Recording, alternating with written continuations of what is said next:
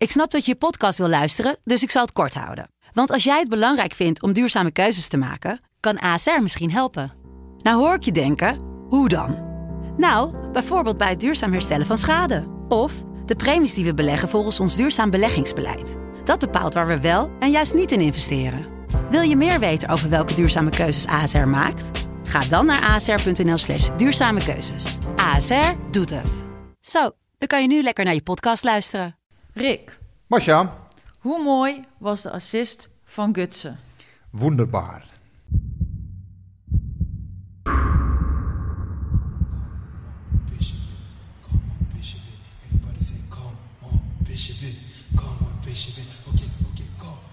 Bishop it, come on, Bishop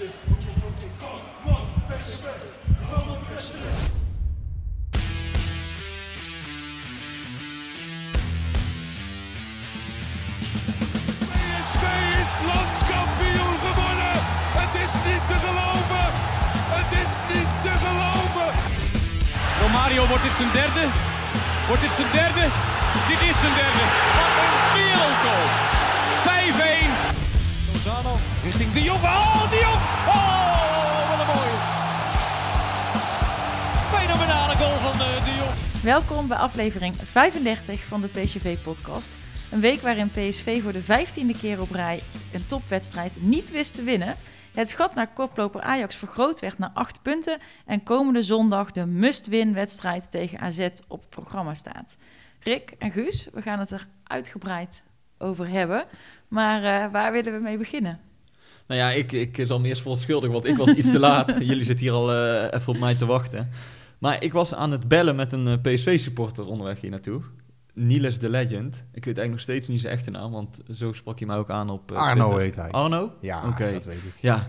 ja, ik had vorige week een verhaal gemaakt over, eh, over het eh, al dan niet gouden spitsen duo Zahavi en Malen. En ik, ik gebruik Twitter om wel eens wat van mijn werk te delen. En toen reageerde hij daarop met sensatiejournalistiek en feitelijke onwaarheden. En ik vind het helemaal niet erg als er kritiek is op mijn stuk of mensen het niet eens zijn. Maar ik, ik dacht van ja, wat is er dan feitelijk niet waar? Of, Mhm. of wat is er zo sensationeel aan dit stuk? En normaal reageer ik nooit omdat ik niet zoveel met Twitter heb. En ik krijg ook niet zoveel reacties als Rick, dat scheelt ook een hoop natuurlijk. Eh, maar ik dacht, ik was toch gewoon benieuwd. Dus ik, ik reageerde hem dat ik het toch anders zag. Nou, hij was het niet mee eens. Toen dacht ik, ja, ik kan hier wel elke keer over en weer gaan pingpongen op Twitter. Maar Mhm. ik, ik, ik, ik merkte dat ik er helemaal geen zin in had. Dus ik zei tegen hem, geef me je nummer, dan bel ik je en dan leg ik je uit waarom ik dit verhaal zo heb geschreven. En ben ik ook wel benieuwd waarom jij dit eh, sensatiejournalistiek vindt. Dus onderweg hier naartoe dacht ik, nou, laat ik hem even bellen. En eh, we hebben een kwartier of tien minuten aan de telefoon gehangen.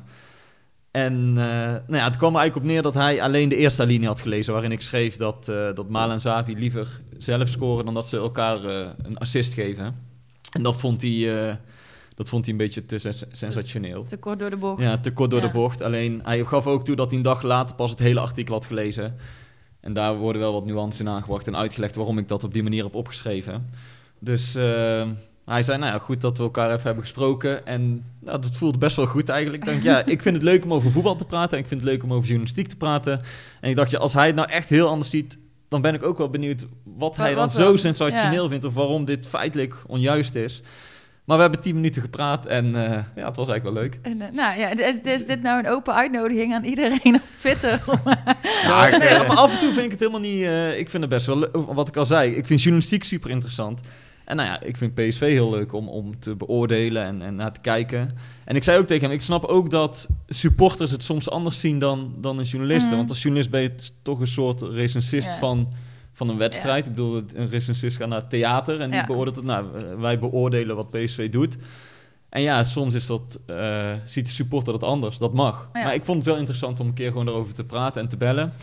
Dus zeker, ik vind het leuk om te doen. Maar ik snap ook wat ik zie Rick al bedenkelijk kijken. Want die, als die één tweet verstuurt, dan krijgt hij Ja. af en toe honderd reacties. Nee, maar ik vind en dan, Rick, Rick moet daar een heel callcenter voor Nou, aannemen. Rick die kan een eigen bedrijf eh, beginnen. Nee, nee, nee, nee. Maar ik vind, ik vind Guus een eh, inhoudelijk eh, schrijver. Ik vind Guus helemaal geen clickbait eh, schrijver. En ook helemaal geen eh, opruiende schrijver of wat dan ook. Ik snap wel, in een intro zoek je soms een beetje naar eh, hè, iets, iets om mensen in je verhaal te trekken. Dat is Ja, heel dan moeten ze wel doorlezen. Maar ja, kijk, ik herken dit soort dingen wel. Mensen lezen soms een kop of een intro en schieten dan, eh, eh, schieten dan iets terug. Ja, nou ja, daar, daar moet je aan de ene kant ook Ja, tegen dat was een kunnen prins- vinden. Ik, ik, zal van ook de niet, eerste ik zal ook niet zeggen dat ik me daar nooit schuldig aan maak. Maar ik kan wel ik vind, maar ik, laat ik voorop ik vind het helemaal niet erg dat supporters het er niet Nee, mee zijn. Of dat ze reageren van, eh, waar slaat dit op? Alleen ik was gewoon benieuwd naar, naar, Naar waar de- dan pijn ja. zat. Of, en, en, ja. Dus ik vond het Ik eigenlijk vind wel het altijd wel mooi, men- mensen die reageren en, eh, en als daar ook een stukje emotie bij komt. Ik vind, ja, nogmaals, dat vind ik niet erg. Ik heb wel een grens en dat is, dat is echt als het op een gegeven moment... En ja, ik heb dus één iemand geblokkeerd eh, in eh, twee weken.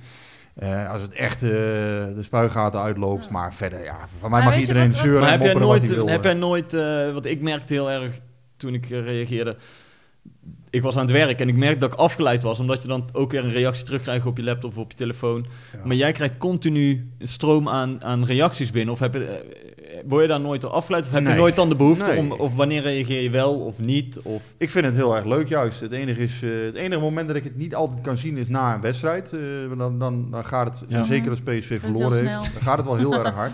Er komen echt tientallen en soms zelfs honderden reacties in een minuut. Eh, ik lees bijna alles wel.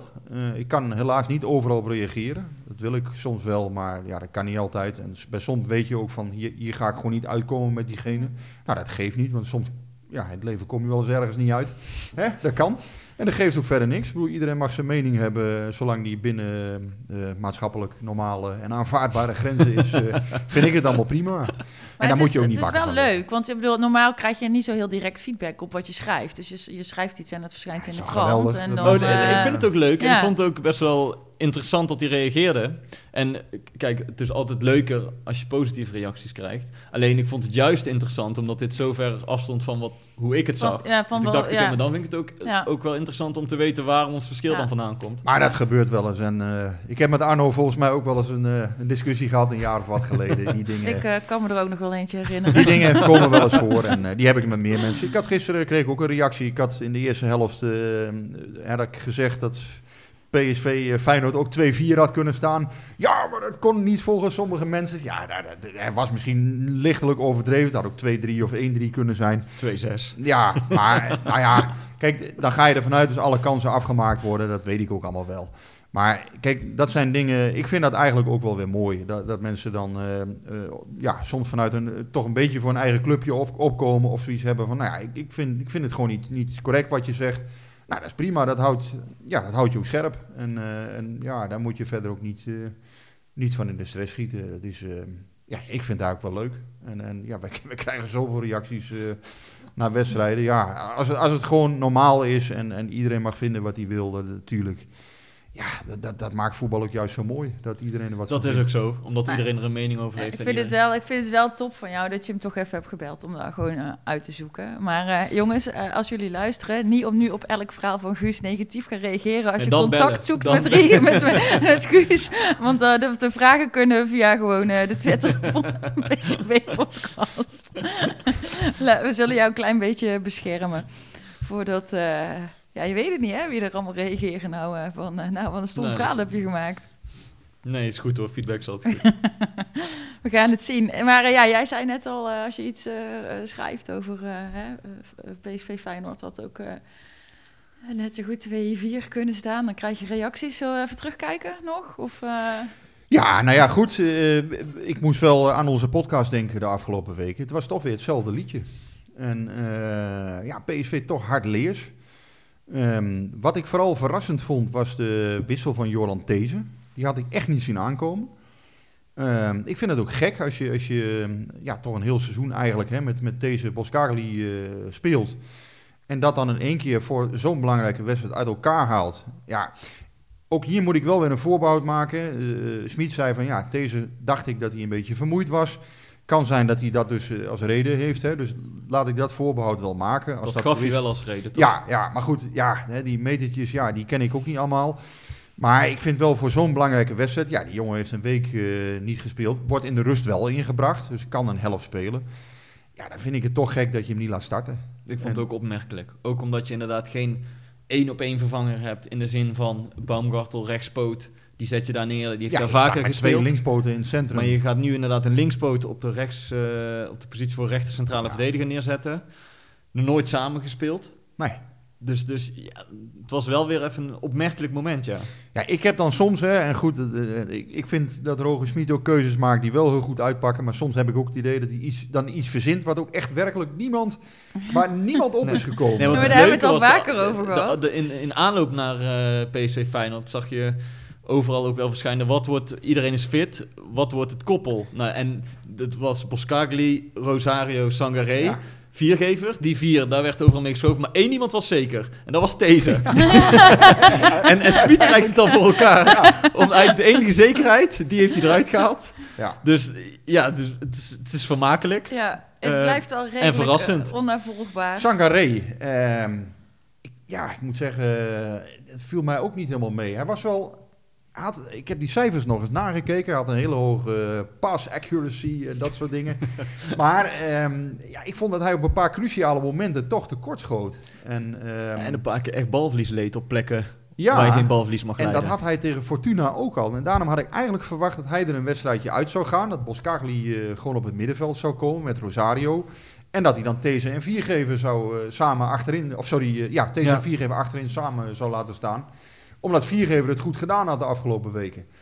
En waarom Viergever volgens mij ook niet uitkwam nu... was omdat Max weer een aantal keren weg was. En daar, ja, daar ontstonden zulke grote ruimtes. Ja, die waren niet te verdedigen. Ja, daar wil ik het nog wel even over hebben. Want ik heb toch het gevoel als je de laatste tijd naar PSV gaat, dat je in een soort casino binnenstapt of zo. Dat je, weet je, dat je denkt, het kan Ja. alle kanten op. Ja, een soort Maar eh, ja, het wordt in ieder geval spektakel en, Ja. en we zien wel waar het eindigt. En het is wel wat, wat Smit aan het seizoen eh, heeft beloofd. Weet je wel, we willen attractief en aanvallend. En, en het moet in, ieder- in ieder geval een feest worden om naar PSV te kijken. Ja, Ja, spectaculair dat- is het wel. Is Ja. het, alleen niet altijd op de manier, denk ik, zoals PSV het wil. En nu hebben we het al heel vaak over Sangaré, Rosario, centrale duo dat misschien beter kan. Maar voor mij ligt het, ligt het probleem toch bij de backs. En dat is best wel gek, want dat zijn eigenlijk een van de twee betere spelers van het team. Mhm. Maar ze blijven in dezelfde val lopen. En ik vond het, het contrast tussen Fortuna en, en Feyenoord weer heel mooi. Want de twee doelpunten die we uitgebreid hebben besproken tegen Fortuna... toen zag je Max en Dumfries echt komen. Hè? Dus die lagen op volle Ja. snelheid. Mhm. Toen kregen ze de bal mee. En het viel mij op dat ze gisteren tegen Feyenoord... stonden ze eigenlijk al bijna net zo hoog als de aanvallers. Dus zij kregen elke keer de bal in de voeten. En vanuit daar gingen ze voetballen. Eh, maar ja, Dumfries is niet op zijn best... als hij met de bal aan zijn voet een back voorbij moet dribbelen. Max ook niet. Maar als zij kunnen komen en rennen en dan in de loop die bal meekrijgen, ja, dan zijn ze van meerwaarde. Ja. Maar nu stonden ze al zo diep, waardoor ze eigenlijk ja, hun kracht een beetje eh, Kwijtraken. ja, kwijtraakten. En inderdaad, Sangaré, Rosario leden een paar keer balverlies, waardoor ze echt met geen mogelijkheid meer op tijd terug waren. Maar waar denk je dan dat er door komt dat zij eh, op die manier eh, zich opstellen? Denk, dat, dat, dat, ik, ik vermoed dan dat als zij zelf weten dat dat niet hun kracht is en ze doen het toch, dat dat dan wel op verzoek van Smit is. Ja, ik, ik denk ook dat dit het strijdplan is, want ze doen het niet één keer. Ze, doen Ja. het het seizoen, al het hele seizoen. Nou ja, het gekke is dat het, dit was, ehm, eh, dit is eerder een probleem geweest. Hè? En, toen is in de wedstrijd tegen Twente is het strijdplan een beetje aangepast. Ja. Hè? En werd er iets voorzichtiger Ja. geopereerd. Hè? Geen twee backs eh, tegelijkertijd weg. En het gekke is dat in de wedstrijd tegen Feyenoord in de Kuip eigenlijk hetzelfde gebeurde. En dat daar ook de, de klacht was van, ja, eh, op het moment dat er balverlies geleden wordt op middenveld, dan is, eh, is de restverdediging niet op orde als die twee backs weg zijn. Ja. En dat is eigenlijk wat er, wat er gisteren ook weer mis was. Ja. En dat snap ik dus niet, want ja, je zou kunnen zeggen van, goh, eerder ben je tegen Twente dus teruggevallen op, op eh, een iets behoudender systeem. Ja. Hè? Heb, je, heb je iets meer reserve ingebouwd. Nou, dat had je gisteren ook kunnen doen. En dan had je waarschijnlijk die kansensalvo misschien wat voorkomen.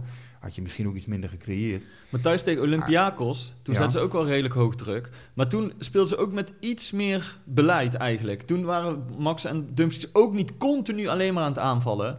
En toen stonden ze ook al wel voor rust op 2-0. Alleen, ja, gisteren, weet je, dan maar toen je- had, je, eh, toen had je een andere bezetting op middenveld. Hè? Toen had je niet eh Sangare en Rosario. Nee, stond Boskagli daar. stond ja. op middenveld. Maar is dat het probleem? Of zijn Ik weet het niet. Kijk, het is wel iets... ehm, Want ja. ze geven de ruimte weg in de hoeken. Het is niet dat ze elke dwars door het hart van de, van de verdediging eh, kansen creëren. Misschien is dat ook een kwestie van coaching. Of dat je. Hè, ja, gisteren heb je dan het idee, wordt dat voldoende eh, in het team ook onderkend, hè, dat ze allebei weg zijn. Maar je ziet het ook elke keer toch? Ik bedoel, als je, als je hoog in het stadion zit bij PSV, dit seizoen, dan, dan verbaas je af en toe als PSV de bal verliest, dat er echt nog maar één of twee verdedigers staan. En dat die Ja. tegenstander Mhm. met vier, vijf man eruit komt. Op een gegeven moment zeg je als, als, als viergever zijnde of als, als nou, Boskagli stond er nu toch ook van ja, dit, dit trekken wij niet, dit doen we niet meer zo. Maar het blijft fout gaan. Ik had het gevoel op een gegeven moment van ja, PSV speelt met twee linksbuitens. Ja, Hè? En, en ja, dat, dat, je zag gewoon Feyenoord speculeren daarop ook op. Hè? Ehm, eh, ja, dan als zij daar aan de bal komen in die ruimte, ja, dan werd het ook direct gevaarlijk. ja. Hè? En, ehm, en uiteindelijk, ja, ik vind ook dat PSV eh, bij die goal van Berghuis, ja, dat, wordt ook, dat gaat dus niet alleen Enfogo, want ja, ook weer zo'n twijfelmomentje. Dan denk je, ja, moet hij hem nou hebben of niet? Is een beetje, ja, eh, zo Jeroen Soet van 2019, hè, van ja, god, Ja. eh, er valt er wel heel veel binnen ineens, zonder dat het nou blunders zijn of... of eh, maar er gaan ook een paar momenten aan vooraf natuurlijk, waarin ja, Berghuis krijgt veel ruimte. in die, die combinatie ja, wo- wordt niet goed verdedigd. Ja, daar, daar zie je ook dat PSV een stukje agressie achterin even mist. En misschien bijvoorbeeld met deze was dat er dan wel geweest op dat moment. Ja Ja, is dat- had het moeilijk. eh, Nee, dat is positie. Boskagli, en Boskagli is ook, niet die. Boskagli is ook de, de, de speler die, die die bal weg wil werken. En waar Senesi tussen zit. Dus ja, is dat, is dat agressie inderdaad? Ja, weet je, zo'n moment kan dan misschien nog voorkomen. Hè? De Feyenoord combineert er even snel doorheen. Ja. Maar, maar daarna gaat het eigenlijk nog veel meer fout. En dan zou je denken van oké, nu moet je even iets anders gaan doen. Want als je één of twee kansen hebt tegen gehad, dan denk van dit, dit gaat niet goed. Alleen, Nee, en dat had echt, eh, ja goed, als dat een kopie van de wedstrijd eh, in de Kuip was geweest, was het 0-5 of, eh, 1-5 geweest bij rust. Hè. Malen moet natuurlijk ook die kans, eh, of, of 2-5 was het dan Ja. geweest. Malen had die eerste kans ook af moeten maken.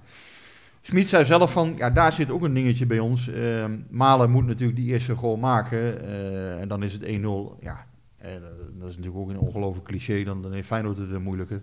Maar ja, ja, hij dat zegt, vind ik ook makkelijk. Want dan hoef je nog niet zoveel ruimte weg te geven. Nee, het gaat meer om nee. het, systeem dat je speelt. En de intentie waarmee je dan Dumfries en Max laat voetballen. Het blijft gewoon eh, gevaarlijk eh, ja, hoe PSV speelt. Ja. Hè. Je, tuurlijk is het, het is heel attractief en het is hartstikke spectaculair en mooi om te zien. Maar ja, als je zo aanvalt met, met open huis, ja, dan vraag je om problemen. En zeker tegen dit soort, eh, Ja. tegen dit soort ploegen. Maar hoe zie jij dat, Masje? Want, want ik, ja, PSV eh, wilde meer att- attractiviteit bieden.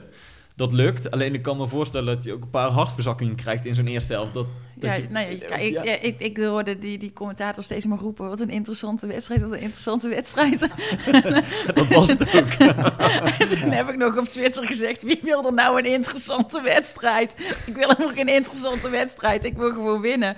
Eh, daar kreeg ik een reactie op van, eh van eh, Eddie ter Stal, regisseur en Ajaxiet. En die zei, nou, voor mij is het heel attractief om te zien of zoiets. Toen zei ik, ja, dat snap ik, ja, voor jou. Ehm, Ja, ik vond het ook geweldig om te zien die eerste helft. ja, maar voor de neutrale kijker is het ook denk ik heel leuk om te zien. Ja, Eh, maar ik kan me voorstellen dat je als supporter af en toe je hart vasthoudt. ja, Maar ook ja, af en dat- toe eh, eh, dat je hart dus een, een vreugdesprongetje maakt. Want ja. af en toe, het- wat PSV laat zien aan de bal is af en toe ook heel Nou, mooi. daar word ik wel blij van. tussen de ja, speelt ja, ja, ja, Dat, ja. Daar kun je Het weer eerste echt van kwartier genieten. was echt om je vingers bij af te likken. Het eerste kwartier van PSV was heel erg goed. Dan ontstaat dan inderdaad hè, die 1-0. Nou, dan zijn ze het even kwijt. Maar het eerste kwartier is, is ja, daar, daar had Feyenoord eigenlijk niks te vertellen meer. Nee, dus, dus dat moet je ook benoemen. Ik bedoel, Ja, dan is het erg goed wat PSV laat zien. Alleen dat contrast is zo groot. Ja. En, en, en het is uiteindelijk dus ook niet eh, genoeg. Nee, en niet stabiel genoeg. Want daarom is het Ja, wel maar zo daar, dat... Ja. daar, daar zie je ook wel echt wat hij wil. En eh, volgens mij, ehm, ja, als je nog, eigenlijk maar zou je nog vier, vier, vijf andere spelers misschien moeten hebben. Ja. Ja, dan, dan kun je dit systeem volgens mij veel beter Als dit systeem zeg maar eh Maar welke krijgt- posities zou jij dan... Nou, ik denk dat achterin, kan best wel eens zijn dat deze straks naar rechtsback schuift. Dat je achterin nog een hele sterke, dat ze naar een sterke centrale verdediger gaan eh, kijken. eh, fysiek sterke. Eh, met ook, ook wel wat voetballend vermogen natuurlijk. Nou, een andere keeper zijn ze mee bezig. Dat hebben we vorige week al uitgebreid besproken. Zullen we straks nog wel even terugkomen. Ik denk dat je op het middenveld een iets betere voetballer nodig hebt. Sangaré zal waarschijnlijk wel blijven, maar misschien met een betere voetballer naast hem. Ik wil niet zeggen dat Rosario slecht is, maar een iets betere voetballer naast hem. Eh, een complete middenvelder. Ja, da- da- daar zou, daar zou PSV toch wel veel mee opschieten, denk ik. Maar ja, dan heb je twee, drie posities. Ja, en voorin, nog een paar. voorin zal natuurlijk, Malen zal waarschijnlijk vertrekken. Ja, Ja. dat klopt. Maar, dat Eh, is- maar goed, dan, dan zou je bij wijze- ja, hè, dat kan een, een aankoop zijn. Dat kan misschien ook nog Romero zijn, hè, waar we een luikje voor open hebben gehouden vorige week. Ehm, maar eh, ja, ik zeg een man of Ja. vier of zo. Maar het leuke vind ik wel dat je inderdaad, ik ben het met je eens hoor, dat op die posities en vooral centraal achterin.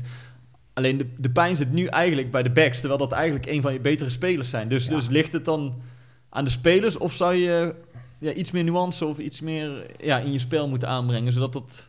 Want ze zijn nog steeds van heel veel toegevoegde waarde. Zeker. maar Alleen het is- het, het- slaat kracht- af en toe een beetje door Ja, mijn dus gevoel. dat, dat, dat, dat Schmid eigenlijk een klein beetje de volumeknop omlaag moet draaien of zo. Ja, nou ja, wat, wat, je hoort ook heel veel tegenstanders zeggen die tegen PSV spelen. Het is een vreselijk moeilijk systeem om tegen te spelen. Omdat ze lopen allemaal tussen de linies. En Gakpo en Gutsen zijn meester in om, om zich ook daartussen te bewegen. En dan ene keer laten ze zich uitzekken naar de zijlijn. En dan weer komen ze op Mhm. middenveld.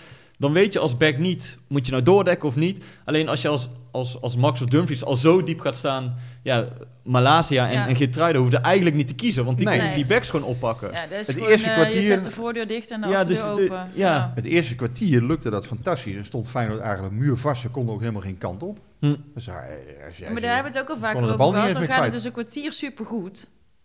En, en dat is het dan. Hm. Ja, dan heb je of een tegenslag of, of het klopt even niet. En dan...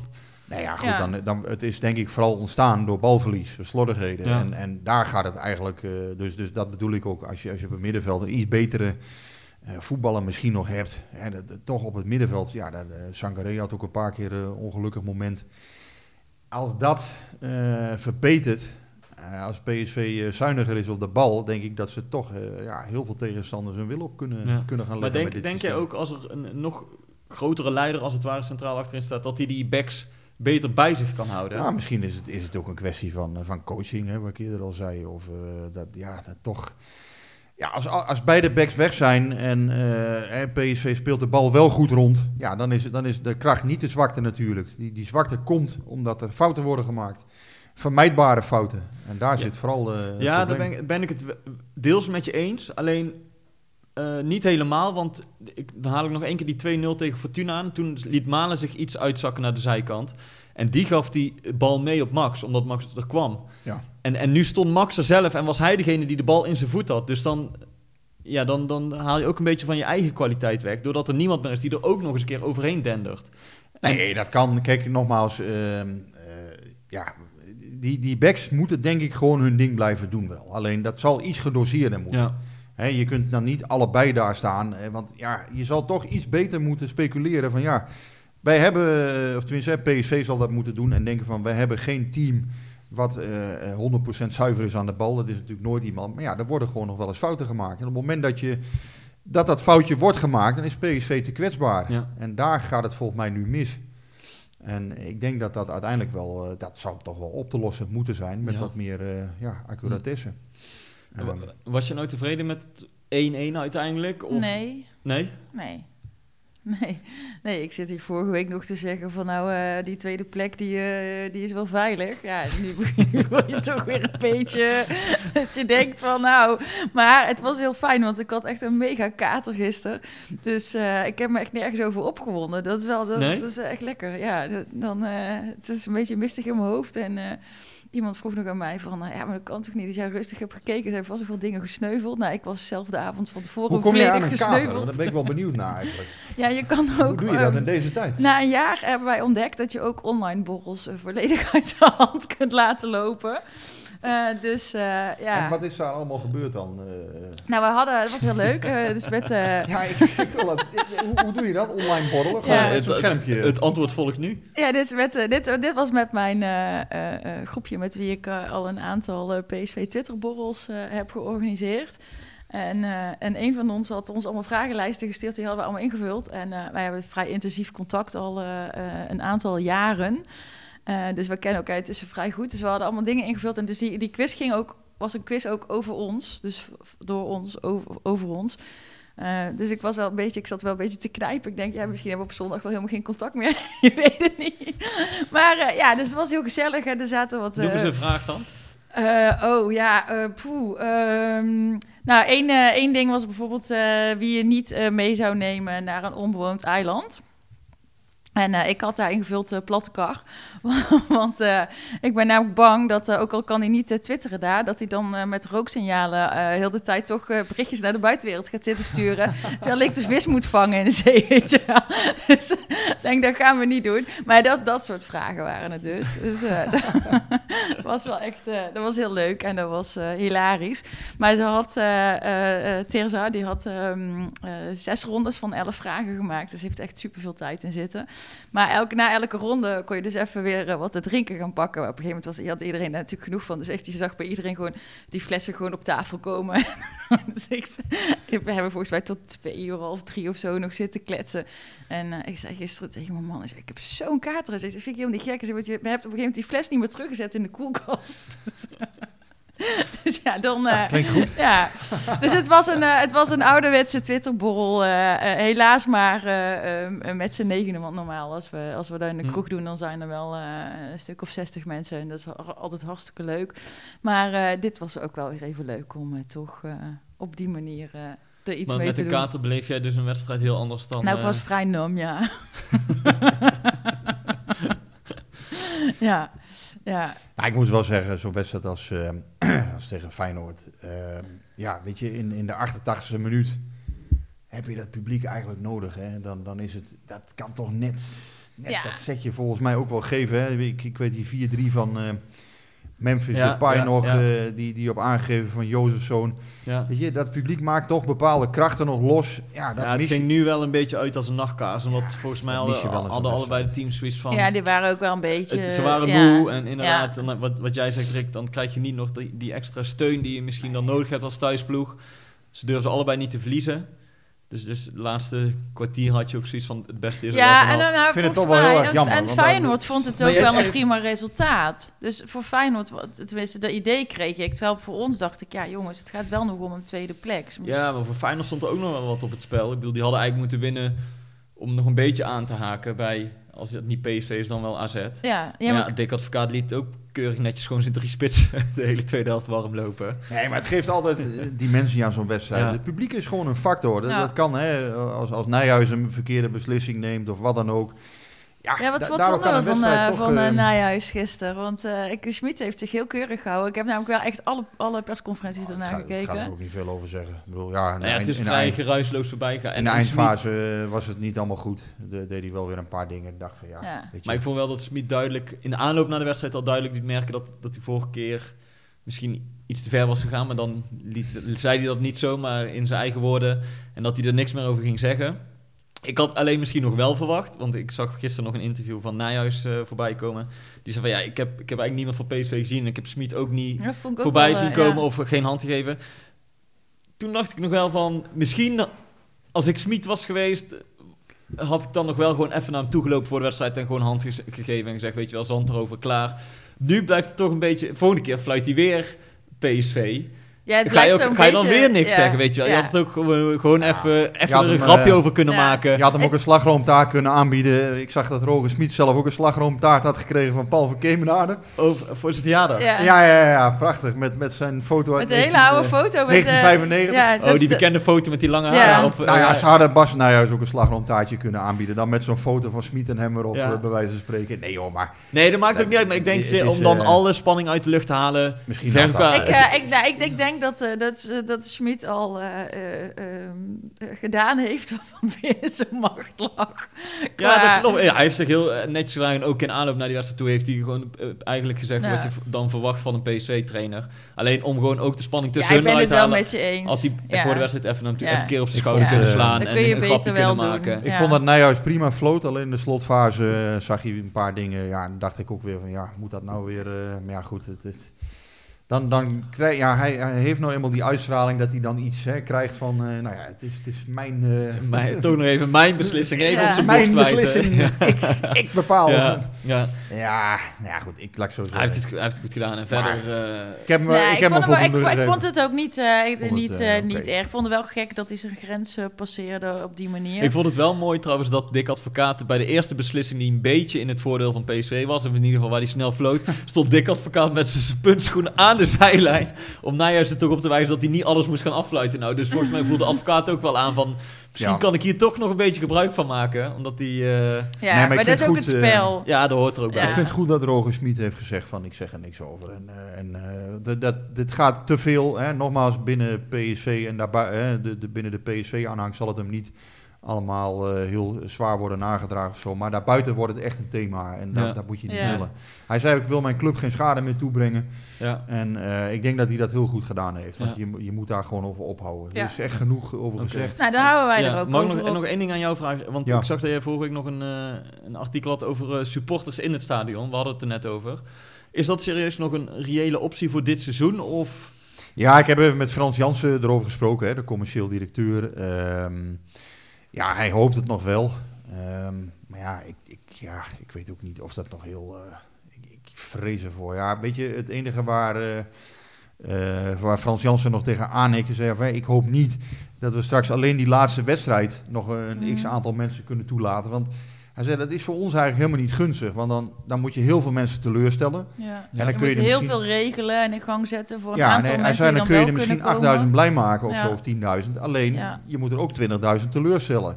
En hij zei, Ja. ja, dat, dat, dat vindt hij, hij worstelde daar wel mee. Dus ja, aan de ene kant wil, gun ik het iedereen, maar aan de andere kant, ja, dan moet ik heel veel mensen Ja. toch nee verkopen. Nou, ik heb daar ook wel over nagedacht. Want die eh, vier wedstrijden waar we eigenlijk heen mochten, eh, die waren natuurlijk al eh, uitverkocht. Hè, toen of verdeeld. En dan was het gewoon, als je dan. ik had toen die eerste wedstrijd tegen Emmen. maar dan kwam je eigenlijk niet in aanmerking. Oh, ze waren trouwens niet uitverkocht. Maar dan kwam je niet in aanmerking voor meteen een volgende. Maar als daar dan Mhm. nog kaarten voor over waren, dan kon je het nog proberen. En eh, eh, dat is weer een ander PSV-groepje van mij. Dus dat is eh, allemaal mensen met wie ik op mijn vak zit. Toen hebben we nog wel ook voor... eh, toen kon, maar dan kon je niet meer op je eigen plek. Dus die eerste wedstrijd, dan weet je gewoon... ook niet op je eigen plek, maar in je eigen vak. En toen voor die tweede wedstrijd hebben we toen in ieder geval nog... hadden we tien kaarten nog voor ZZ. Ja, die ging toen dus ook al niet meer door. Maar het interesseerde ons al niet meer waar we terecht kwamen. Weet je, als we er maar zaten. Eh, maar ja, ik dacht... Daar heb ik wel over nagedacht. Ja, want- heb je dat gevoel nu ook van... Als het kan, dan moet ik er nog bij zijn. Ik bedoel, het is toch het einde van het seizoen. Ja, PSV gaat maar geen dan- kampioen ja, worden. nee, maar dan, maakt, en ik wil, dan wil ik er nog per se bij zijn. Alleen, ik heb natuurlijk niet de eerste keus, want ik ben bij eh, PSV FCM geweest. Dus, ja. dus ik vind dat dan andere mensen voorrang moeten hebben op mij. Ehm, eh, helaas. Maar dat vind ik wel oprecht. Maar ja, nee, natuurlijk zou ik dan gaan. Je, je gaat even, weet je, je, je, je, je mensen om je heen zien, biertje drinken, gezellig. Ehm, eh, eh, toch even het team aanmoedigen. We, eh, we hebben Gutsen helemaal nog niet zien spelen, bijvoorbeeld. Lijkt me ook wel eens leuk om dat Oh, gewoon. nee, nee, dat klopt. Die was er Nee, niet ja, bij fijn om tegen het veld dat, te zien. Dat klopt. Ja. Dus Erdan Zahavi. Zahavi en, hebben we niet zien Götze heeft nog spelen. nooit iemand live in het stadion. Sangaré Nee. ook niet dan, toch? Nee, die was er denk ik ook nog niet, hè? Was hij er tegen Groningen al? Nee, die was er nog niet. Nee. Ja, ja, dan wil je, je wil Ja, even wil klappen keer, voor, eh, eh, voor Gakpo. Ja, nee, je wilt toch je, wel even... Dat maakt dit hele seizoen ook zo raar. Ik ben meestal ongeveer anderhalf uur voor de wedstrijd bij het stadion. Dan zie ik eh, Piet en zijn broer zie ik bij de, bij, bij de ingang bij de pers ongeveer. Die staan dan lekker te, te kletsen even. Dan kom ik heel even, even mee eh, buurten. Nou ja, en dan, je ziet heel veel bekenden, hè? De, de, de suppo's, de, stewards. Ja, die, daar, daar is ook een, een aantal is er daar maar van. Maar je ziet ook heel veel eh, supporters gewoon. Nou, die zie je nu soms nog wel heel even voor de wedstrijd. Dus je ziet wel, die, die groep wordt wat groter nu. Dus, eh, gisteren waren er ook weer eh, 100 mensen ongeveer. Maar ook in het stadion, weet je. Dan, eh, ja, ik vind dat leuk, weet je. Dan eh, Bas eh, Dijkhoff, die steekt even zijn hand op als hij... hè, ja, de- de- Ja, de- gewoon Ja, maar usual vind ik leuk. En het is wel wat jij zegt inderdaad. Het is wel een, een, een rare gewaarwording als je nu naar het stadion rijdt. Want ik heb dat gevoel ook altijd. Dan, dan parkeer je en dan loop je eigenlijk tussen de supporters door Ja, naar het en stadion. omdat we nog en in jij de zit, met, jij zit je met je hoofd. Zit je toch, ja, jij bent aan het werk, dus je bent bezig met wat voor verhaal ga ik maken. Of, eh, en ja. om je heen zie je allemaal ouders met kinderen. En die, die, heerlijk? die, die is- zijn gespannen voor die wedstrijd. Gewoon Ja. heel die sfeer die dan om het stadion Ja. hangt. En nu loop je vanaf de parkeerplek of vanaf de garage. Loop je naar het stadion. gaat. Ja, en je hebt echt het gevoel alsof je een kantoor binnenloopt. Ja. En het is doodstil Ja. in het stadion. En dat, dat blijft gewoon gek inderdaad. Je wil Ja. weer die hele die, die, die spanning rondom een stadion hebben Ja. hangen. Iedereen die daar dan een biertje buiten staat te drinken. Ja, en, eh, ja, en het dus- gezang al voor ja. de wedstrijd. Ja, ik vind het heerlijk hoe dat dan, hè, die, die anderhalf uur, Ja. eh, zich dat opbouwt en dan langzamerhand... eh, hè, Oh, dat is echt. En dan ga je ja, nog een maar drankje ja. doen in de stad. En dan loop je dus vanuit het Stratum Zijnd loop je, loop je naar het stadion. Nou, dan. eh, eh, je, je loopt in een heel, hele grote mensenstroom, Ja, loop je daarheen. Ja. Ik het vind zo'n uitvak eh, vind ik ook mooi. Ik bedoel, eh, da- daar, ja, daar zie je ook van alles. Eh, Dat zijn soms, soms zijn het hele leuke uitvakken. Daar zie je hoor. van alles. Nee, en soms, eh, soms zie je ook wel eens op het moment dat PSV slecht presteert, ja, dan zie je de stemming omslaan. En dan, ehm, dan gaat het ook wel eens een keer eh, hard tegen hard. Maar meestal eh, ook die uitvakken, ja, daar had PSV toch de afgelopen jaren weinig, eh, weinig over te klagen. Was bijna altijd vol, eh, eigenlijk ook wel altijd achter de ploeg. Dat was een keer gezien tegen, tegen Sparta volgens mij, dat het een keer misging. eh, dat het, eh, Ja, ja. dat het even, even minder was. Maar ja, goed, ook dat hoort erbij. Hè. Eh, ja, als, als het niet goed gaat, en dan hebben supporters ook gewoon eh, een mening. Ja, daar zal je, daar zal je dan Ja. speler ook maar gewoon even... Het enige voordeel eh, van eh, dat er geen supporters bij mogen zijn, is dat je eigenlijk altijd recht voor het stadion kan parkeren. ja, en dat je snel Dat- weg bent met je heerlijk. auto. Ja. Want dat is, je komt Ja. aanrijden en normaal, bijvoorbeeld bij Ajax, dan sta je al op de A2 daar, eh, die afrit naar de arena, daar sta je al in de file. En dan ben je al misschien een beetje laat en denk shit, ik moet wel op tijd zijn voor die wedstrijd. En nu rij je eigenlijk tot aan de, tot aan de voordeur, bij wijze van Ja. spreken. ja, ik zou willen zeggen, je En- hebt hier maar ook verder is er niks leuks Je hebt aan, hier ook een hele mooie park en ride. Dat kun je ook doen. Dan kun je met de bus. Maar die bussen zitten ook propvol als er wordt gevoetbald. Dus, Ja, dus zelfs het- dat mis ik, weet je wel. Op een regenachtige avond in zo'n Ja. bedompte bus... waar de echte ramen helemaal van zijn beslagen... en iedereen stinkt en het is vies. En dan sta je gewoon helemaal op elkaar gepropt. Weet je, je kan nog niet bewegen. Eh, en dan ergens achterin zie je dan je buurman met zijn zoon... ook in die bus stappen, weet je wel. Dan zwaai je Ik, even. ik vind het altijd prachtig. Dan, je rijdt naar een uitwedstrijd en dan haal je een stuk of zeven of acht van die bussen in. Ja, ik vind dat schitterend om te zien. Ja, dus met, ik bedoel, nou, als, we nou, als we dan na de wedstrijd naar huis gaan, maar wij gaan dan met de bus, want wij, wij wonen eh, eh, aan een busbaan. dus als, wij, als ik naar huis ga na de wedstrijd, dan pak ik de bus. En, eh, en dus zelfs dat, weet je, dat bedacht ik echt van de week. Het kan zelfs verstandig zijn om de bus te pakken soms. dat, ja, soms, ja. Maar zelfs dat als haringen in een tonnetje, weet je, ja, dan ook nog als het regent en dan oh, dat mijn brillenglazen beslaan. En weet je, gewoon, zelfs dat begin je gewoon te missen. Dat is echt dat is toch heel treurig. Staat er nou, is, het glaasje, is dat een glaasje wijn wat er nu staat? Nee, nee, dit is appelsap met sparoot. Ah, je bent even van... eh, Ja, Ik ik ben even zeggen, weer De genezen. kater is nog niet eh, uitgewerkt. Ja, die is wel uitgewerkt, ja. toen, ik weer, toen ik weer kon eten, was het goed. ehm, ja, even terug naar het voetbal. Ehm, wat, seri- wat een serieuze toon. nee, nee, nee, Ja. eh, eh, en, en Vogo, wat, eh, wat, ja, Vogo moeten we zeggen. Hè? Ja, nou ja, niet, eh, jij moet het over Vogo Vogo. hebben of moet het over Wat, eh, ehm, Drommel hebben? ehm, ja, wat ik zei net, hè, van ja, je hebt het gevoel bij, tegen Feyenoord van ja, moet hij die bal nog hebben of niet? Dat heeft hij toch net iets te veel dit seizoen gehad, leek mij. Ja, hij heeft, hij heeft nog niet... Inderdaad, je hoort niemand zeggen wat een flut aankoop. En je hoort ook niemand zeggen wat een top aankoop. Het is nee, echt een beetje... dus als het, dan is het een beetje half-half, maar dat is Ja, eigenlijk, en- dan is het toch niet goed genoeg? Nee, dus, nee, het is uiteindelijk niet goed genoeg. Alleen het is ook weer niet zo dramatisch dat iedereen zegt wisselen. Nee. En het is tijd voor Oenerstal. Want dat hoor je eigenlijk ook niemand zeggen. Nou, ik hoor wel mensen Ja, maar toch die wel? zeggen van nou, eh Oenerstal had hem wel gepakt. Maar ik ken ook mensen die zeggen ik had hem nog wel gepakt en ik heb hem nog nooit gekiept. Nee, Nee, oké, ik bedoel, nee, de, de, nee. de collectieve roep om Oenerstal, dat hoor je nog nee, niet. maar ik hoor wel mensen, eh, eh, ook wel mensen die wel, eh, en want ik heb geen verstand van keeper, maar ik ken wel mensen die dat wel hebben, die wel zeggen van nou, eh, ehm, eh, die zich wel hardop afvragen of eh, niet per se, of dat en niet zeggen van Oenerstal is veel beter, zet hem terug, Hm. maar die dat wel zich echt wel beginnen af te vragen van Ja. eh, wordt het niet gewoon eens tijd en eh, Ja. Maar het, het is ook wel een best wel aparte situatie. Ik sprak toevallig, was ik pas een keer bij Twente en toen sprak ik met Drommel. Wilde ik een verhaal met hem maken, maar toen nog met de gedachte dat hij misschien naar Ajax zou gaan als opvolger van Onana. En toen zei hij ook, ja, weet, ik, ik ga weg bij Twente aan het eind van het seizoen. En ik heb eigenlijk één voorwaarde. En dat is dat ik wel ergens als eerste keeper word binnengehaald. Mhm. En natuurlijk zeg, zegt een club dan ook van, ja, je hebt nooit garanties dat je eerste keeper wordt. Maar het maakt nogal uit. Ik bedoel, en Vogo is ook als eerste keeper destijds gehaald. Dus ja, weet je wel, ze zullen het niet hij, beloofd hebben. Maar hij hoeft niet per se weg van PSV, begreep ik, Vogo. wie?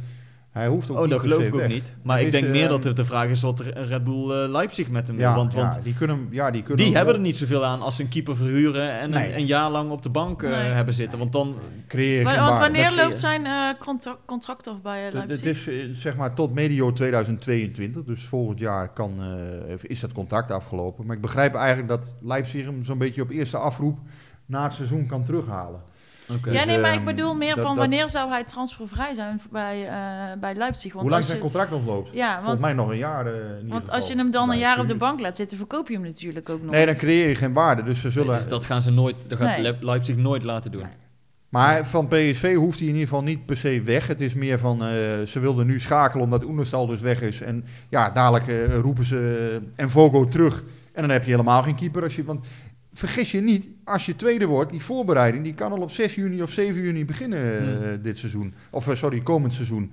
Waarom? Omdat je op 20 juli misschien al die, die eh, Champions League voorronde speelt. Mhm. Ja, maar er zit wel een verschil. Ik, ik snap ook goed dat PSV het doet. Alleen, kijk, als PSV nou helemaal overtuigd was van, van een Vogo... en ze hebben hem voor twee jaar gehuurd... dan hadden ze hem volgend jaar ook sowieso gehouden... Dan hadden ze misschien een ander type tweede keeper gehaald. En daar bedoel ik mee te zeggen, kijk, toen Robin Ruiter eh, voor PSV werd gecontracteerd, Ja. dan heb je een, een goede reservekeeper. Jij begint te lachen, maar laat maar. Nee. Ik bedoel, eh, Marsman, Marsman bij eh, Feyenoord, die heeft nou, maar dat is eigenlijk een prima reservedoelman. Die kent zijn plek.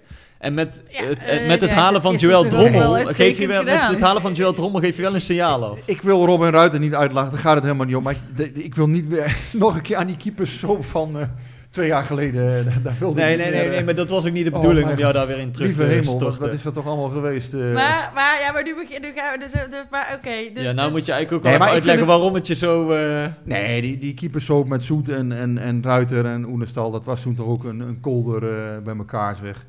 Maar ja, goed, en meer omdat eh, dat Ruiter toen ook zei van ja, waarom ben ja, ik die dacht eigenlijk ook dat hij, dat hij wel eerste keeper kon worden, ja. Ja, Ja. dat vond ik niet heel, eh, niet heel realistisch, zou ik Nee, maar zeggen. Oké, maar laten we dat eh, achterwege. Maar Ah. meer inderdaad de keuze om nu Drommel te halen. Nou ja, kijk, eh, wat, jij, wat jij zegt is natuurlijk terecht, hè, dat ze in eh Vogel geen 100% vertrouwen kunnen hebben, anders hadden ze het denk ik niet zo gedaan. Ehm, ja, het, het- ik, ik denk dat het wel goed is dat PSV nu al schakelt, omdat je inderdaad dus eh, als je begin juni eh, klaar moet staan, ja, dan kan je ook echt met, met Drommel gaan beginnen al. En eh, tenzij die op de EK zit, hè, want dat is ook nog een, eh, een dingetje natuurlijk. Maar ja, je zal op een gegeven moment wel iets, eh, je zal een bepaalde zekerheid moeten hebben. Maar en vanuitgaande dat Drommel dan eerste keeper wordt bij PSV, dan zal Leipzig en Vogo waarschijnlijk aan een onderclub verhuren of willen verkopen. Dan heeft PSV dus nog een keeper nodig. Of zullen ze Ja, dan... als, als Vogel weggaat, een- zal er nog een keeper komen. Jazeker, dat, dat zal moeten. Kijk, eh, En hoe is daaronder- het met, met Müller trouwens? Dat Nee, weet jij die, misschien. die jongens zijn er nog niet klaar voor. Kijk, je hebt daaronder Vincent Muller en Maxime de Lange. Dat zijn, eh, dat zijn twee keepers die bij Jong PSV dit seizoen hebben gerouleerd. Nou ja, eh, met, met wisselend succes vind ik. Ik vond dat Muller matig begon. Ik vind dat hij inmiddels zich wel goed hersteld heeft. Al ja, was er vorige week tegen NEC, had hij weer een foutje. En waardoor het 2-0 werd. Ehm, ja, en, en de Lange is ook een beetje wisselvallig eh, dit seizoen hoor. Wel aardig begonnen. Maar ja, goed, weet je, en dat is niet erg, want die jongens zijn 19 en 20 jaar. Dat nee, maar mag. daar kan PSV dus volgend jaar nog niet op bouwen als, als nee, daar kun je, daar kun je nog niet op bouwen. Die jongens doen het, dit, is een prima stap voor hun. Nu een jaar jong PSV eh, en volgend jaar moeten zij gewoon nog een jaar bij jong PSV zitten, die Ja. gasten. Dat, dat is prima voor hun, dan leren ze het vak. En dan krijg je, als het goed is, ja, als ik PSV was, dan zou, eh, ik denk dat Vogel inderdaad weggaat, dan heb je Drommel erbij. Ja, dan moet je eigenlijk een keeper weer in de range, ja, rond, rond een keeper. Ja, dus dan 30 haal je zo wel hebben. tussen aanhalingstekens een reservekeeper. Ja, ik denk dat er dan wel een, eh, een ervaren keeper bij komt. Nou ja, het zou kunnen dat dat iemand van de Duitse markt is, hè, die natuurlijk eh, PSV goed kent. Bijvoorbeeld, ze hebben eh, Jurgen Wolf, assistent Ja. trainer, die heeft goede contacten in Duitsland. Eh, die zou daar best eh, iemand eh, hè, via een zaakwaarnemer of zo, kan er natuurlijk best iets, iets gaan vallen op een gegeven moment. Ja, en misschien dat ze toch kijken van ja, we willen, willen een Nederlands sprekende keeper eh, Ja. hebben. Dat weet ik niet hoor, maar... Maar ja, dat, dat is een beetje afwachten. Maar daar zullen ze ongetwijfeld al wel gedachten over hebben. Maar die hebben ze nog niet met ons gedeeld. Hebben ze Niet wel, als eerste eh, met jou, Rick. ze wel met jou gedeeld wat de stand van zaken rond Rommel is? Eh, nou ja, pff, ja, het rommel is rond. Dat heeft hij zelf gezegd. Ja. Eh, hè, persoonlijk rond. Alleen met Twente zijn er nog wel wat, eh, tenminste, eh, as we speak, maandagavond, hoe laat is het? 7 uur. Waren er nog wel wat hobbels te nemen. Ik heb de indruk dat het vooral zit in, het, ehm, in de betalingstermijnen. Dus, dus als je kijkt van hè, wanneer gaan we de bedragen betalen. Ik heb het idee dat Twente ongeveer rekent op 3,5 miljoen. Daarvan gaat ook een deel naar de zaakwaarnemer eh, en hij zelf, Drommel. Ehm, maar ik heb het idee dat Twente vooral eh, ja, behoefte heeft aan cash. En dat dat ook meteen wordt, eh, wordt afgerekend. Dat, dat is volgens mij eh, een beetje de insteek. En ik heb het idee dat daar ook de onderhandelingen zich nog wat op fixeren. Het is nog, as we speak was het nog niet rond, begreep ik. Moet, moet PSV eigenlijk komende zomer eerst spelers verkopen om überhaupt... Want we hebben het de hele tijd over doorselecteren, nieuwe spelers halen. Maar ze hebben natuurlijk afgelopen zomer al flink geïnvesteerd. Ja. Moet PSV eerst spelers verkopen om überhaupt nieuwe spelers te kunnen halen? Nou, er is wel geld. Alleen, ehm, kijk, je hebt natuurlijk twee dingen. Op de eerste plaats heb je altijd, hè, wat heb je op de bank staan? En daarnaast heb je natuurlijk je financiële situatie, hè, je balans. Ja, als PSV geen transfers doet eh, tot 1 juli, ja, dan zal het natuurlijk een dik verlies gaan maken over dit seizoen. Omdat je, ja, die coronatoestand en, eh, ja, en alle afschrijvingen, die heb je niet terugverdiend met de transfer van Sam Lammers alleen en met de overwinter in de Nee. Europa League. Dan ga je echt heel, heel dik verlies schrijven als je geen eh, goede transfers maakt tot 1 juli. Eh, doe je dat daarna wel, is er, is er natuurlijk nog niet zoveel aan de hand. Hè? Want je kan een keer, PSV heeft een vermogen van, eh, een eigen vermogen van 42 miljoen volgens mij. Ja, daar kan je best wat op interen, denk ik, in dit jaar. En ik denk ook dat je dat prima kan verkopen in een coronajaar. Maar eh, ja, wat er op de bank staat, ik weet dat niet precies. Hè, maar er is, wel, er is natuurlijk wel geld om, om nu nog iets te kopen. Anders kun je ook geen bot op drommel doen. Het zou wel prettig zijn voor PSV natuurlijk om bijvoorbeeld Malen of Dumfries, als die verkocht worden, Mhm. om dat vrij snel te gaan doen Hm. hè, na het seizoen. Als dan ook gelijk cash binnenkomt, dan kun je inderdaad weer, eh, weer door, eh, doorschakelen. Of dat echt nodig is, dat denk ik niet. Ik denk wel dat PSV kan, iets kan kopen als het dat wil. Ehm, maar ja, het is, het is niet zo dat de financiële situatie nu eh, heel rooskleurig is of zo. Dat is het niet. Maar het is ook niet dramatisch. Je kan een keer een verlies hebben na een aantal jaren eh, hè, van, van toch winstjes. Het zijn allemaal geen superwinsten geweest die PSV heeft gemaakt. Maar ze hebben een eigen vermogen van meer dan 40 miljoen. Dus je kunt een beetje interen natuurlijk een keer. En ik vind dat ook wel, nou, in zo'n jaar is dat ook wel te verkopen, vind Hm. ik. Ja. ja, en je bent ergens aan begonnen met eh, Project eh, Smit. Ja. Ja, dat Ja. wil je ook Ja. wel verder ontwikkelen. Ook maar- al inderdaad, je, natuurlijk heb je rekening te houden met de financiële situatie. Ja. Je, kan niet, eh, je kan geen geld uitgeven als je het niet hebt. Maar ze Nee. zullen ook niet alles eh on hold willen zetten. Nee, nee, dat is wat vra die vraag ook eh, over, eh, over dat, eh, de- die situatie, dat geld en hoe dat dan moest. eh, die kwam vandaag ook al binnen van, eh, van Ronald van den Broek. Die had mij dat eh, persoonlijk gevraagd. Dus het is goed dat we daar even over hebben. Eh, maar eh, nu gaat het ook eventjes over... eh, we kunnen daar ook nog wel even vooruit kijken naar AZ. Maar nu we het er toch over hebben... Roger die is dan nu aangesteld, Roger Smit, voor, voor twee seizoenen. Dus je gaat dan op dat pad verder. Maar Jelle Brugge wil dan graag weten, als jullie het over de lange termijn denken hebben met betrekking tot het spel, wat nu wordt gespeeld. Wat gebeurt er dan straks als na seizoen 21-22 Roger bij ons stopt? Gaan we dan een trainer zoeken die dit concept bevalt? Of gaan we dan weer naar een nieuw concept? Ik denk zelf dat zij wel eh, eerder met Smit gaan praten. En ook al denk dat ze wel vrij snel daarna gaan kijken van... Goh, willen wij met deze trainer door? Ehm, en ik vind zelf eigenlijk dat Smit heel erg goed bij PSV past. Eh, althans, dat hij de kwaliteiten daarvoor heeft. En ook als mens dat hij heel goed bij PSV past. Alleen, hij heeft wel een aantal dingen waar hij aan zal moeten werken. En ik zie wel een Smit die dat ook wel wil. Hè? Dus bijvoorbeeld dat gedoe met die scheidsrechter. Ehm, nou ja, je ziet dus dat hij daar duidelijk leringen uit heeft Mhm. getrokken. En dat zal hij op een aantal fronten wel moeten blijven doen. Ehm, nou ja, goed, en, en of dat dan zijn wisselbeleid, ehm, of hij daar ook concessies aan moet doen soms, hè, om, om, om toch minder eh, scheve gezichten of minder ja, eh, verrassing eh, te creëren in de spelersgroep. Nou, dat zou best wel eens kunnen. Ik, Maar ja, kan een, kan een algemeen directeur of technisch directeur dat eisen? Nee, toch? Dat Nee, dat laatste kun je niet eisen. Nee, dat is toch heel moeilijk om dat te zeggen. Dat laatste kun je niet eisen, maar ik vraag me wel af of dat nou echt altijd goed uitpakt. Hè? Of, hij, of je daar ook niet een klein beetje soms in moet doseren. In de zin van, ja, soms moet je een keer wat risico nemen, soms niet. Nou is dit wel een heel specifiek seizoen, een heel apart ja, en seizoen. ik denk ook dat het heel moeilijk is om als, als club te zeggen van ja, we willen dat je toch iets anders gaat wisselen. Dat, dat zie ik niet voor me. Dat een, Nee, maar je maar hebt een technisch trainer toch ook aangenomen om zijn eigen speelstijl, denk ik dan. De- ja, maar goed, En speelstijl. ik denk en, dat en- een trainer zich dat ook nooit laat zeggen. Van je moet anders wisselen of, of we zijn het niet eens met Nee, het speelstijl gaat het niet om. Maar het gaat er meer om van, goh, eh, dat, je, ik, ja, dat je soms spelers op de bank zet omdat je een idee Mhm. hebt. Terwijl die spelers zelf denken van, ik ben gewoon fit. Ja, ik, ik weet niet of dat altijd goed is. Maar goed, daar, hè, nogmaals, dat is zijn stijl. Eh, ik vind wel vooral de presentatie dus. Hè, en, eh, in een aantal dingen. Dus zal hij wel moeten groeien om ook buiten Mhm. Eindhoven uiteindelijk meer geaccepteerd te worden. Ja, dat, dat vind ik wel goed dat je dat zegt buiten Eindhoven. Want Ja.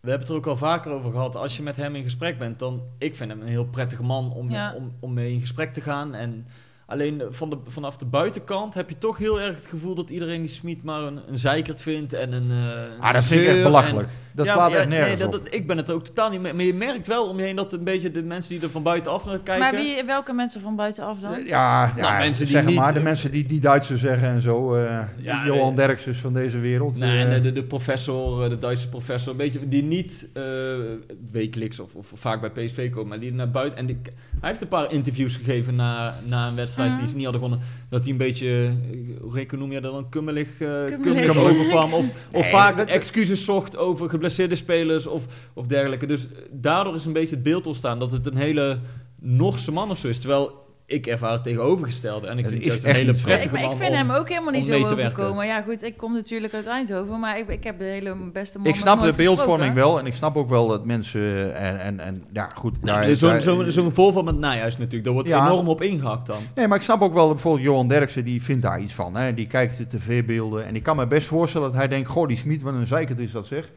Maar eh, als je nou één ding, bijvoorbeeld, hè, Smit wordt dan een beetje gezien als een soort nieuwlichter, als een soort wetenschapper die het allemaal heeft uitgevonden. Als er nou één ding is wat hij niet is, is het dat wel. Want het eerste wat hij in zijn boek toegeeft, is dat voetbal voor een heel groot deel toeval is. Het eerste wat hij Ja. zegt is van ja, je moet Ja. ook gewoon soms heel veel geluk hebben in, eh, in, eh, in topvoetbal. Soms heb je gewoon ongelooflijk veel mazzel nodig. Hij is de eerste die dat onderkent. En eh, ja, de- dus als je al zo eh, bent van nature, als je dus niet de wijsneus gaat uithangen, maar dat doet hij eigenlijk helemaal niet. Hij is helemaal niet iemand die de wijsneus gaat Nee, uithangen. zeker niet. Hij weet gewoon van ja, in voetbal ben je gewoon van heel veel dingen afhankelijk. Vind, ik vind, Alleen maar hij wil het toeval zoveel mogelijk uitsluiten. Precies dat. Maar ik, waarom ik vind is zijn het... verklaringen niet altijd kloppen. Hè? Nogmaals, en, en dat met deze bijvoorbeeld, Ja. dat begrijp ik niet. Ik begrijp niet altijd waarom hij zo eh, op, op details in blijft gaan. Hè, met een scheidsrechter, ja, dan gaat de hoofdzaak verloren. Dat, daar moet hij echt nog in groeien. Nou, die groei laat hij dus zien. Hè, dat vind ik voor PSV in ieder geval hoopgevend. Maar ik vind hem als mens juist eigenlijk, ja, als je hem dan Ja. soms ziet lachen. en, hij heeft ook echt wel een heel ontspannen kant. En Maar ik vind hem waarom is best het goed bij PSV belangrijk? passen. Waarom is het, ja, dat, dat is belangrijk, maar waarom is het belangrijk dat de buitenwacht, die er eigenlijk niks mee te maken heeft, hem ook zo ziet? Dat is toch helemaal niet zo interessant? Nou, omdat dat schade, hè, zoals hij dat zelf ook formuleerde, dat kan wel schade toebrengen. Ja, als je er zo hard ingaat met zo'n hij is wel scheidsrechter het uithangbord Juist. van de club. Dus in die zin... Ja, dat, dat snap ik wel. Maar je hoeft, hij hoeft toch niet te gaan voldoen aan een een of ander eh, beeld wat mensen graag van hem Nee, willen nee, nee, zien. ik zeg ook niet dat hij, dat hij de Johan Derksen van deze wereld tevreden Nee, eh, moet, moet, eh, hoeft te houden. Alleen, ik, ik merk alleen op dat er wel een verschil is in hoe mensen naar hem kijken. Dus, Ja. dus sommige, sommige mensen, waaronder wij, zeggen van nee, een hele, hele amabele man, een sociale man. En er zijn er een paar die van, van buitenaf naar kijken die zeggen, god wat een zeikert. En eh, alleen maar, ik heb ook een aantal vrienden die, eh, die zijn dan van Ajax en die zitten dan ook zo'n wedstrijd te kijken en die zien zijn interviews. En die zeggen ook, hij heeft echt alleen maar excuses, weet je wel, na de wedstrijd. En denk ik, ja, dan zeg ik maar, hij is echt, hij is echt een hele goede, ja, een hele fijne man om, eh, om mee te werken. Ja, maar het ja, helpt- dat wordt niet een paar altijd gezien, veel, omdat je... omdat Masha, je- weet je wat het is? Ehm, ik snap jou wel, hè, van natuurlijk hoef je niet aan een ideaal beeld te voldoen. Alleen op het moment dat je als club onder druk staat, dan helpt het je niet. Als je, als je Nee. een trainer hebt die, nee, die dat, rustig dat is, ben ik met je is. eens. Maar ik vind, dan- weet je, je kan er wel... eh, ik, ik, ik, ik vind hem ook eh, rustig en beschaafd wel, wel eh, prima. En ik, dan, dan, dan, dan, dan kan hij ook nog wel op een bepaalde manier cynisch lachen. Dat je toch wel weet wat hij denkt. Want dat Ja. deed hij gisteren ook. Maar, ehm, eh, dus natuurlijk, hij, moet, hij is het uithangbord van de club. Dat vind ik ook belangrijk, hè, dat, er goed, dat er goed gebeurt. Ehm, maar... Hij hoeft van mij niet te gaan voldoen inderdaad aan mensen die ook... dat gaat hij eh, ook nooit eh, doen. Maar je mag er ook ja. wel een keer uit de bocht vliegen. Ja. Ik bedoel, als, zolang je maar hij niet... heeft, hij heeft zolang je nog maar steeds geen eh ippon uitgedeeld. Net Als je zoals maar weer terug... Eh, ja, nee, maar dat, dat, dat, nee, maar, je- nee, maar dat vond ik wel een goeie. Ik zag die voorbij komen. Stel nou dat Smit dat gedaan had. Ja, dan was hij toch volkomen afgemaakt. Als, hij, als, hij dat, eh, als Smit die, die houtgreep had eh, uitgedeeld, dan was hij, was hij afgemaakt. Ja, dat En denk ik ook. dat is ook een stukje, stukje beeldvorming. Kijk, Smit is wel een paar keer uit de bocht gevlogen, vind ik. Maar hij is, ja, hij is ook wel weer op de harde weg terechtgekomen. Dus het is niet zo dat hij... Hè, kijk, bij, bij een club als PSV moet je gewoon een bepaalde waardigheid, eh, rust uitstralen. Nou ja, en, wat bijvoorbeeld Buis deed, ja, als, Smit dat gedaan had, nou ja, dan was, was de wereld te klein geweest, denk ik inderdaad. En dat, dat heeft niks te maken met ehm, eh, ja, dat- dat, wij die man eh, willen beschermen of dat wij niet kritisch willen zijn op die man, maar dat willen we best en dat kunnen we ook best. Nee, maar je wilde gewoon op een normale... Maar ik vind, je moet het ook niet overdrijven. Nee, is, eh, Precies, je wil, je wil ernaar blijven kijken zoals het is. En als Ja. het niet oké is, is het niet oké. En als het wel oké is, is het wel oké. Ik vond zelfs, eh, ik moet zeggen, bijvoorbeeld, hè, van Bommel naar buiten toe, vond ik vaak ook best wel oké. Dat ik dacht van, hè, daar had ik, soms had ik echt wel het idee van, ja, die, die gaat ze nu eens een keer lekker laten gaan. Dan zag je echt wel van, ook die dacht echt wel na van, hè, ik moet nu even op de rem trappen. Ja. Ik ben PSV-trainer, er hoort een bepaalde waardigheid bij, er hoort een bepaalde eh, ja, maar die kon, bij. Die, die kon zich nog wel vaker ehm, doen alsof je zich onbegrepen voelde tijdens de persconferentie Dat zo. Dat je, dat je ja. inderdaad, dan stelde je een heel normale vraag en dan zat hij echt aan te kijken alsof hij van Mars kwam of zo. Dat die, Ja. van waar, waar heb jij, eh, waar heb je het over?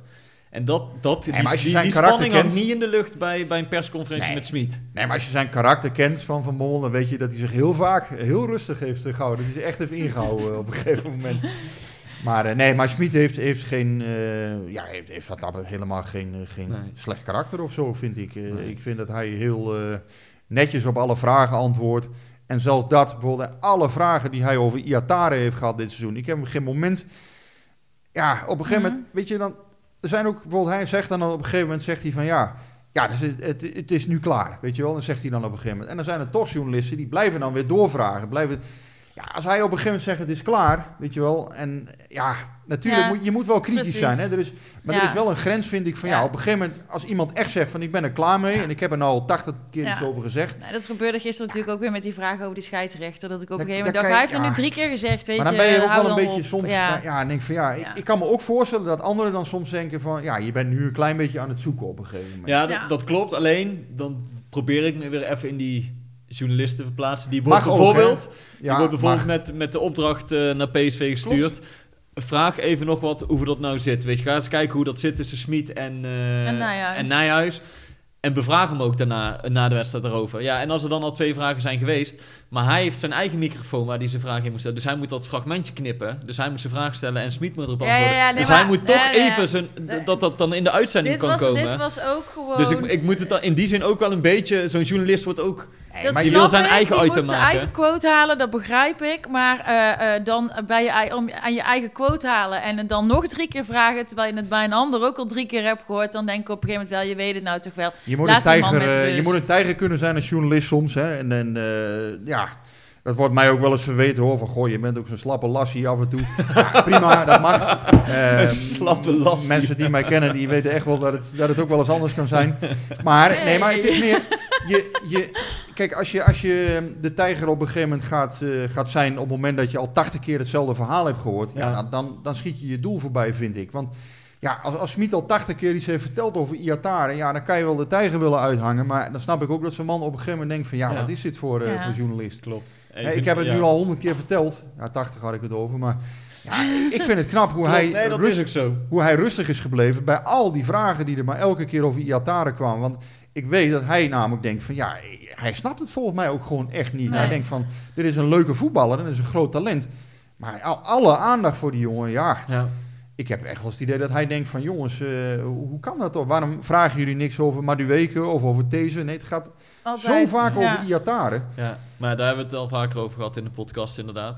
Hebben we nog wat eh, vragen voordat we eruit gaan? Ja, of, eh, moeten we nog iets vooruit kijken of, of we niet? Of eh, praten we gewoon volgende week na? Ik ben er wel een beetje altijd met eh, angst en bezen, beven. eh, eh, Angst en bezem. De bezem. ja, de bezem er doorheen. Gaat de bezem er door, Marcia? Nee, ik, denk- ik, zal jullie volgende week vertellen waarom ik altijd een beetje ehm, angstig naar AZ kijk. Dat heeft ook weer eh, met een bepaald groepje mensen te maken. Ehm, Nou, ik word nou toch wel benieuwd. Maar Ja, nee, het is allemaal voor volgende week, want we zitten alweer bijna een uur. Eh, Bram, PSV eh 1, vraagt eh, eh, Malen. Er wordt veel gesproken over dat zijn rendement te laag is. Is dit niet ook de reden waardoor het beter is als hij nog een jaar bij PSV blijft? Hij zal zeker de stap al kunnen zetten naar het buitenland, maar het risico is ook dat hij dan te weinig aan spelen toekomt. Dat is ook wel een beetje een vraag die ik zelf eigenlijk heb. Ja, ik vind, ik vind dat wel lastig, inderdaad. Eh, eigenlijk omdat ik hem echt heel goed vind. Die goal ook gisteren, die vooractie die hij maakt om bij Bottegien weg te komen. Ja, daarin zie je dat hij zo snel is en zo behendig. ja, Eh, maar is hij nou de, de, de, de, de Pai eh, toen die vertrok bij PSV? Twijfel ik misschien nog over. Maar ja, ik denk ook dat het een beetje van twee kanten moet komen. Als PSV deze zomer een hoog bod voor hem krijgt. Ik weet niet tot wanneer loopt zijn contract, Malen, weet je dat zo? 24. 24, oké, dus hij legt nog even vast. Ja, en ik weet niet hoe hard PSV dat geld nodig Ja. heeft. En, voor, en welke club er dan komt, inderdaad. Het heeft voor Malen geen zin om naar de absolute top in Europa te gaan. Dat, daar, daar ga je waarschijnlijk niet spelen. Wissel je PSV dan in voor een... Nou ja, Dortmund is al vaker genoemd. Dat soort clubs die net onder de absolute top zitten. Kan het Ik best denk dat het voor alle, voor alle partijen wel een goede situatie zou zijn als hij eh, een transfer zou maken. Ik denk dat het voor iedereen een mooie stap zou zijn. Eh, of hij er echt al helemaal aan toe is, weet ik niet. Ik vind wel inderdaad hoe hij wegdraait, hoe zijn, zijn eerste meters, die vind ik echt heel indrukwekkend altijd hoor. Alleen ja, dit seizoen is het, de afmaken van kansen is ehm, eh, wat wisselend. Hè? Want Ja. eh, hij heeft toch wel behoorlijk wat goals gemaakt hoor. Laten we ook niet vergeten dat hij eh, in Europa League het prima heeft gedaan wat dat betreft. Hij heeft er nu 15 in liggen in de eredivisie. Had er iets meer kunnen zijn. Eh had er ook misschien wel iets meer moeten zijn. Ehm, desalniettemin, ja, wel een speler denk ik die ehm, door de Europese subtop echt wel eh, ja, heel nadrukkelijk eh, op de lijstje staat. Of bij, Ja. daarbij op de lijstje staat. En ik, ja, ik verwacht eigenlijk wel dat hij na dit seizoen een transfer gaat maken. Lijkt mij eh, vrij logisch. Ja, en, daar moet je toch een miljoen of 30 wel. eh, dat is niet netto, hè, want daar zal PSV echt geen 30 miljoen aan overhouden. Maar een Maar wat transferprijs. voor, wat voor club zit jij dan te denken? Want inderdaad, het is eh, Ja, niet realistisch om genoemd, te hè? denken dat die eh, bij, eh, noem maar wat, Barcelona, al die, de, de grote clubs van de wereld, dat die hem willen hebben. Nee, Dortmund is genoemd. Ja, kijk, hij, is natuurlijk, hij komt van Arsenal af. Ik weet ook niet of die hem nog op het lijstje hebben staan. Maar ik vind hem ook wel een speler die, eh, ja, eh, wat ik zeg, met zijn kracht. Hij heeft natuurlijk ook wel een bepaalde eh, explosie. Hij heeft ook fysiek wel wat te bieden. Eh, ja, en met zijn enorme snelheid en, en makkelijk draaien. Hij soms nauwelijks ook te verdedigen. Heel, Maar dat, dat, dat, Bergwijn, dat, zou- ik vond Bergwijn ook echt geweldig bij PSV. ja, Malen, ja, weet ik niet. en Malen weet- is weet- nog iets specifieker op de een of andere manier. Bergwijn natuurlijk. Ja, maar die, had, ook- die was ook eh, veruit de beste toen, onder, eh, toen Van Bommel nog trainer was, samen met Made. Want bij Bergwijn was ook vaak het rendement was lang het probleem. Hè? Op een gegeven moment verbeterde hij dat. Maar ik wil zeggen, je ziet ook hoe moeilijk hij het ook heeft bij Tottenham. En Tottenham is ook geen absolute eh, top. Dus, dus die stap is ook gewoon groot.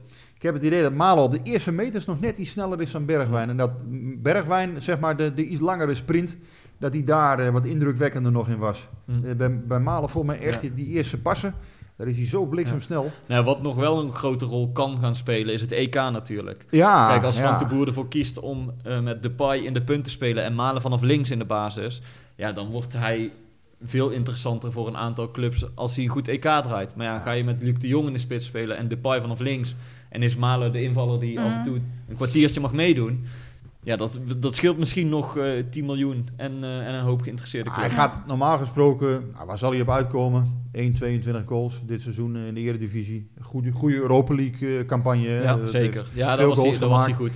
Ja, nou ja, eh, ergens. eh, als ik hem was, ja, iets onder de top in Engeland of zo zou het toch goed kunnen zijn. Eh, Duitsland misschien inderdaad. Ja, Dortmund is genoemd. Everton, Marcel Brands. Ja, niet uitgesloten denk ik. Maar ja, Brands, ja, ik weet niet wat, hij daar aan boord heeft. Nee, maar allemaal ik, op ik noem maar gewoon even wat clubs waar je dan aan zit te denken. Dumfries zou natuurlijk ook kunnen. Hè? Brands natuurlijk hem eerder naar Ja. PSV willen halen. Ehm, Ja. Oké, nou een uitgebreid antwoord. eh. Nog één vraag doen voordat we... Eh, ja, eh, de- want we zijn alweer meer dan een uur. Dus ik, dit wordt denk ik voor jou ook... Deze vraag is namelijk voor jou, persoonlijk. Ehm, maar je mag er misschien er wel weer over nadenken, een weekje. Als je Pils wil weten, Guus, je hebt je week bedenktijd gehad. Wat is je mening over Rick? Weet je dat niet meer? Rick. Dat Rick vorige week tegen jou zei... Guus is echt zo gewaarde- gewaardeerde collega. Toen zei hij, oh, dan moet ik zeker iets terugzeggen. Oeh, die vraag heb ik helemaal niet voorbij zien komen. Mag, ik, Oh. nog, eh, mag ik nog een week langer nadenken? ja, ik ga, ik ga er nog even een week eh, over slapen. Ja, dat is Ja, dan ook... kom ik eh, hij, hij, kijkt- hij kijkt me nu aan als hij, als hij een McKinsey-rapport eh, schrijven gaat. Bedankt hè. Ja, ik wil Pils. zoveel zeggen nu in één keer. ja, daar wordt, daar wordt ook een halve Het is, liefde... het is een topper, laat ik dat zeggen.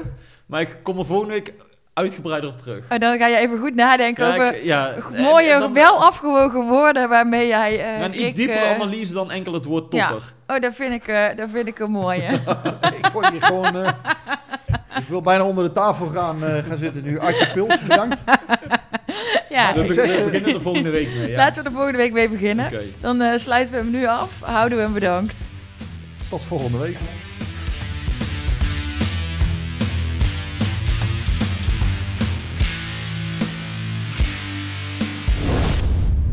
Beetje warm hier. hè. Hey, hey Klim, hey. Ja, het is warm hier. Het is snikheet. Snik, hè, ja. Snikheet. Snik, hè.